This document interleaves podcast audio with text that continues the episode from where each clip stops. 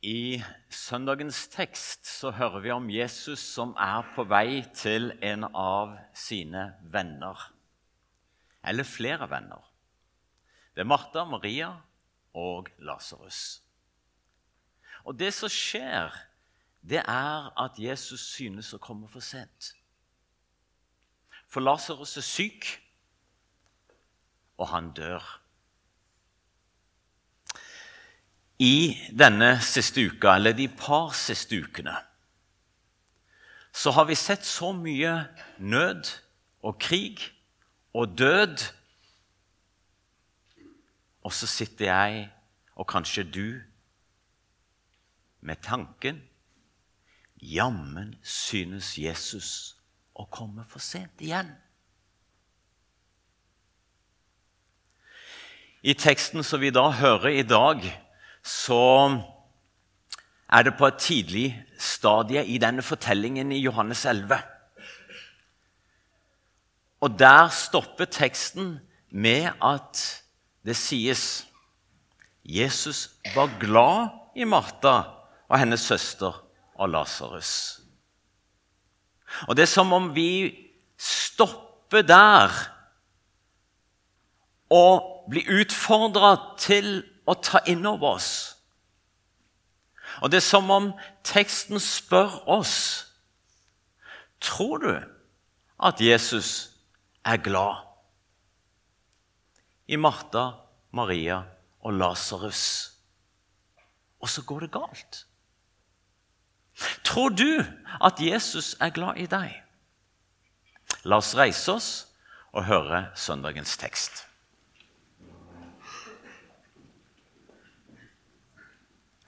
En mann som het Lasarus, var blitt syk. Han var fra Betania, landsbyen der Maria og hennes søster Martha bodde. Det var Maria som salvet Herren med fin salve og tørket føttene hans med håret sitt. Lasarus, som lå syk, var hennes bror. Søstrene sendte bud til Jesus og sa, 'Herre, han som du er så glad i, er syk.' Da Jesus fikk høre det, sa han denne sykdommen fører ikke til døden, men til Guds ære, for ved den skal Guds sønn bli herliggjort. Jesus var glad i Martha og hennes søster og Lasarus. Slik lyder Herrens ord.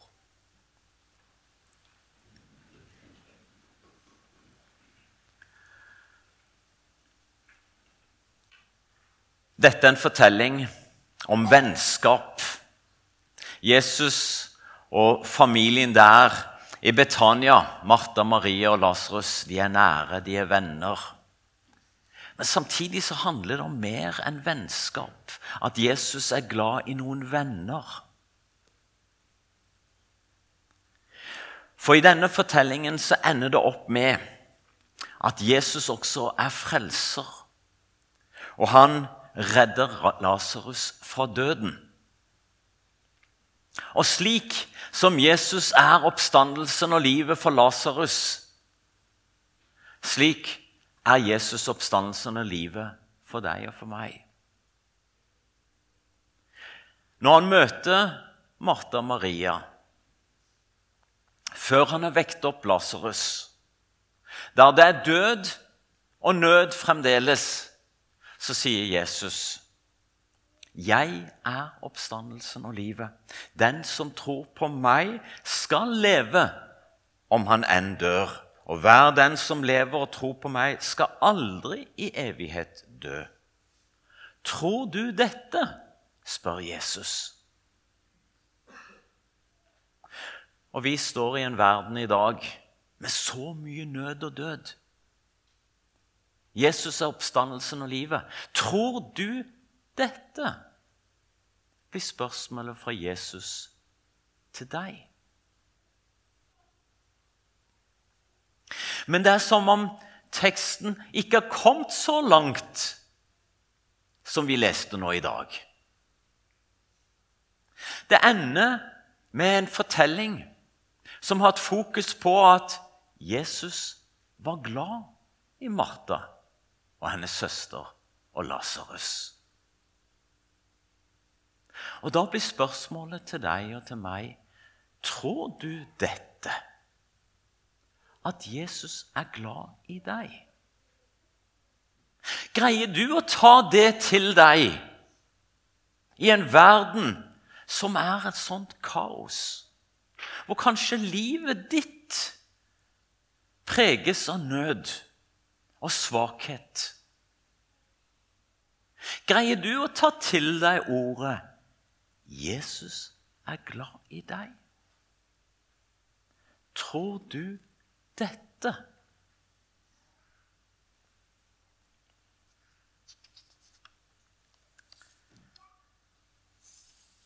Hvordan kommer så Jesu kjærlighet til uttrykk?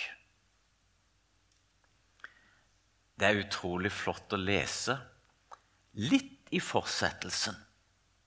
Før det skjer at Jesus har vekt opp Lasarus. For der får vi et bilde inn i Jesu liv og hans kjærlighet. For også Jesus blir berørt av den nød han ser og møter.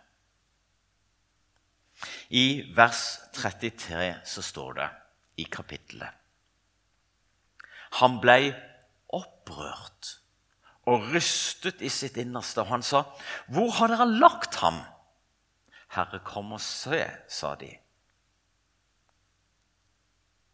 Jesus gråt. Se hvor glad han var i ham, sa jødene. Jesus var glad i Martha og Maria og Lasarus. Han så virkelig nøden Og han ble opprørt og rystet i sitt innerste. Han gråt. Dette ordet 'opprørt' Det er et ord som eh, kan brukes også om lyder av nærmest sukk. Når ord blir for fattige når du ikke greier å sette ord på nøden fordi den er så stor, og så sitter du igjen med bare noen sukk. Og det samme ordet er det som også kan bety opprørt. Det går på dypet. Det går så dypt at ord ikke strekker til.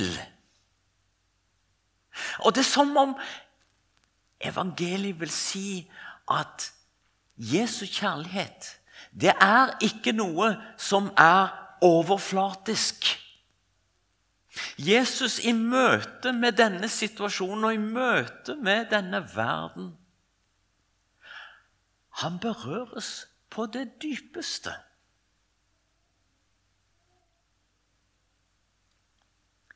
Det går inn under huden på Jesus.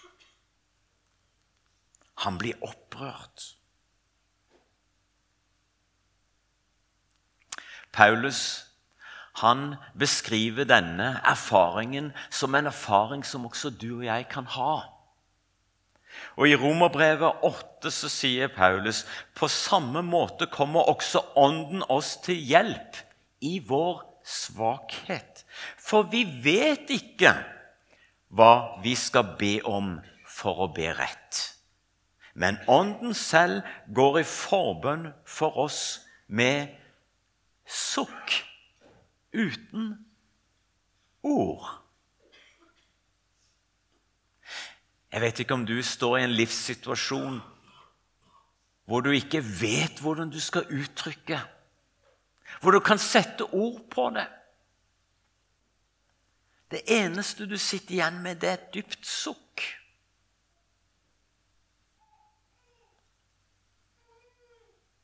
Jesus kjente på det samme. Han ble opprørt. Det var som om ord ikke strakk til, og det ble bare et dypt sukk. Det gikk inn på Jesus. Jesus sin kjærlighet er ikke overflatisk. Bibelen tegner et bilde for oss her nå om at det går inn på Jesus når Jesus ser nød og død. Tror du dette?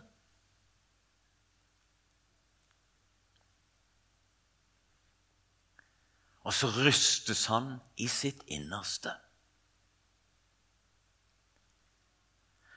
Det er som om et indre jordskjelv i Jesus.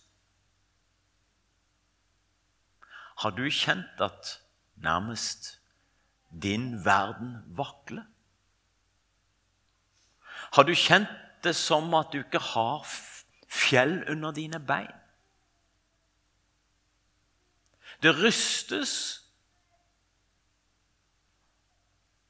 Og det er som om livet går i oppløsning.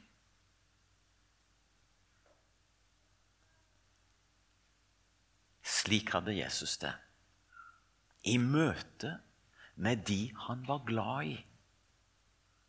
Med Lasarus som var død.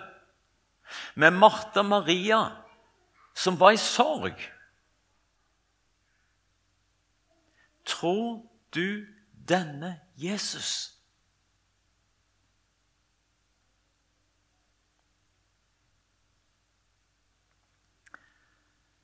Bibelen tegner altså et bilde av Jesus for oss, hvor det Jesu kjærlighet sammenlignes med erfaringer som er så sterke at ord ikke strekker til. At en rystes på det dypeste.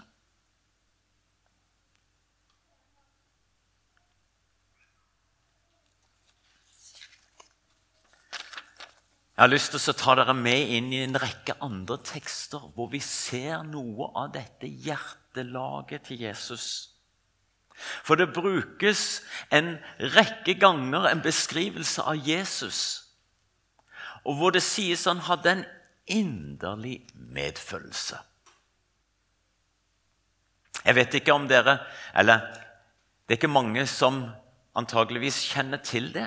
Men det ordet 'inderlig medfølelse' som vi oversetter slik, det betyr helt grunnleggende innvoller dypt inn i magen din. Og en kan spørre hva er sammenhengen med innvoller og inderlig medfølelse? Når jeg noen ganger plutselig ser noe, et menneske, hvor noe skjer med det som er opprørende, ja, da kjenner jeg det i magen. Har du kjent den? Det liksom suget i magen. Det, det vrenger seg i magen. Det, det blir rett og slett en spontan reaksjon av medfølelse.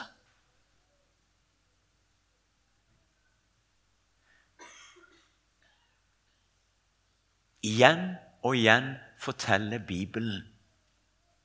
Når det taler om Jesu kjærlighet, så er ikke det noe overflatisk. Det er dette dype, dype suget i magen som Jesus kjenner, og den spontane medfølelsen med mennesker i nød. Når Jesus møtte en folkemengde uten mat, da kjente Jesus dette suget i magen. Medfølelse. Eller når enken i Kain mistet sin sønn som døde så berøres Jesus igjen, akkurat sånn som når han blir berørt av Lasarus og hans nød og hans død. Og denne gangen så er det ikke sukket som løftes frem. Det kunne det vært. Denne gangen er det ikke det indre jordskjelvet. Det kunne det vært. Men denne gangen så er det det suget. Det vrenger seg i magen av dyp, dyp medfølelse. En spontan opplevelse som ikke du kan verge deg mot. Slik hadde Jesus det. Og slik møter Jesus mennesker i nød. Tror du det?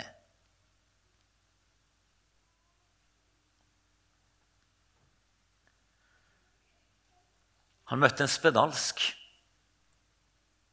Om du vil, kan du gjøre meg ren, sier den spedalske. Og da handler det ikke bare om Jesu vilje eller Jesu makt. Men forut til Jesu vilje og Jesu makt så møter Jesus denne nødlidende, og han kjenner det i magen. Han får en inderlig medfølelse. Og Da går det ikke bare på vilje, men da går det på en dyp omsorg, en kjærlighet. Og så strekker Jesus ut hånda og rører med den spedalske, en som ingen vil komme nær. Medfølelsen ja, tvinger nærmest Jesus til å krysse over noen grenser som ingen andre vil gå. Som mennesker holder seg utenom. Og så rører Jesus ved ham. Og Jesu kjærlighet er en slik kjærlighet. Det starter nærmest i magen. Det tvinger han til å strekke ut hånden. Og han vil røre også ved deg. Og han har både en vilje og han har makten til å handle.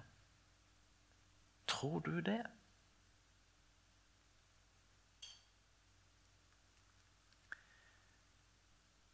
Bibelen sier at ingen har sett Gud, men at Jesus har åpenbart Gud for oss.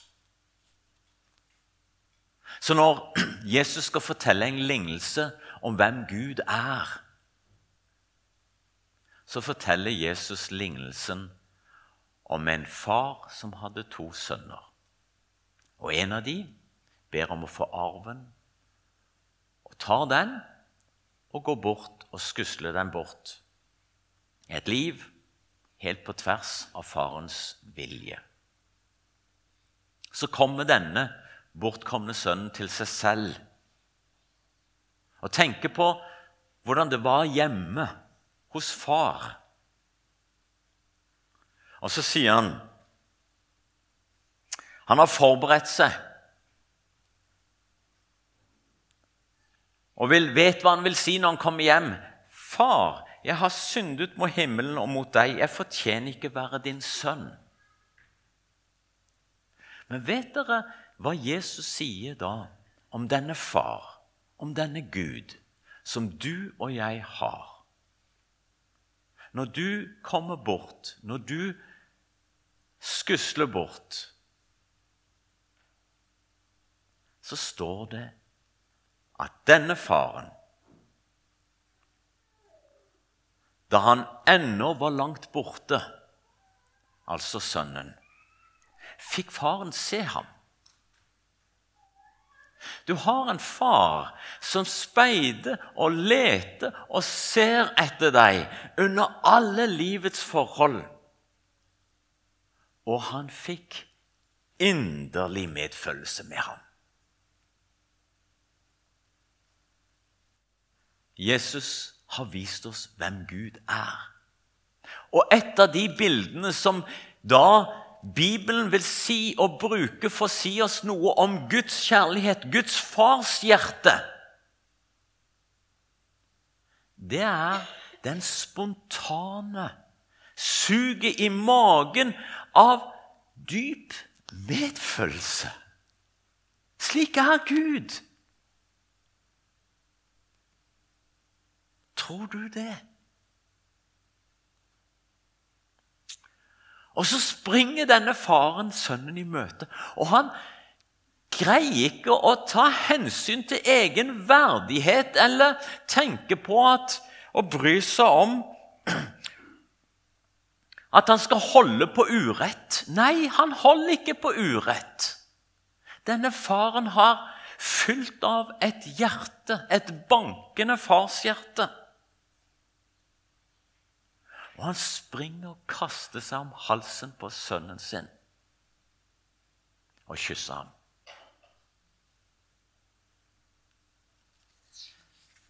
Guds kjærlighet. Johannes 11 Jesus er på vei til nød og død og sykdom. Vi opplever i denne verden så mye nød og død nå. Vi hører om terror i Israel, krig i Israel og Gaza, krig i Ukraina, jordskjelv i Afghanistan. Det begynner å bli mye. Det synes som om Jesus kommer for sent. Igjen. Og så stopper teksten oss i dag og vil løfte blikket til deg og meg og så peke på Jesus var glad i Martha og Maria og Lasarus. Og så gir Bibelen oss et bilde av denne Guds kjærlighet og Jesu kjærlighet. Og så er det som om Gud vil si i dag til oss ja, det drøyer. Men Jesus ser nøden og døden, og det går inn under huden på han.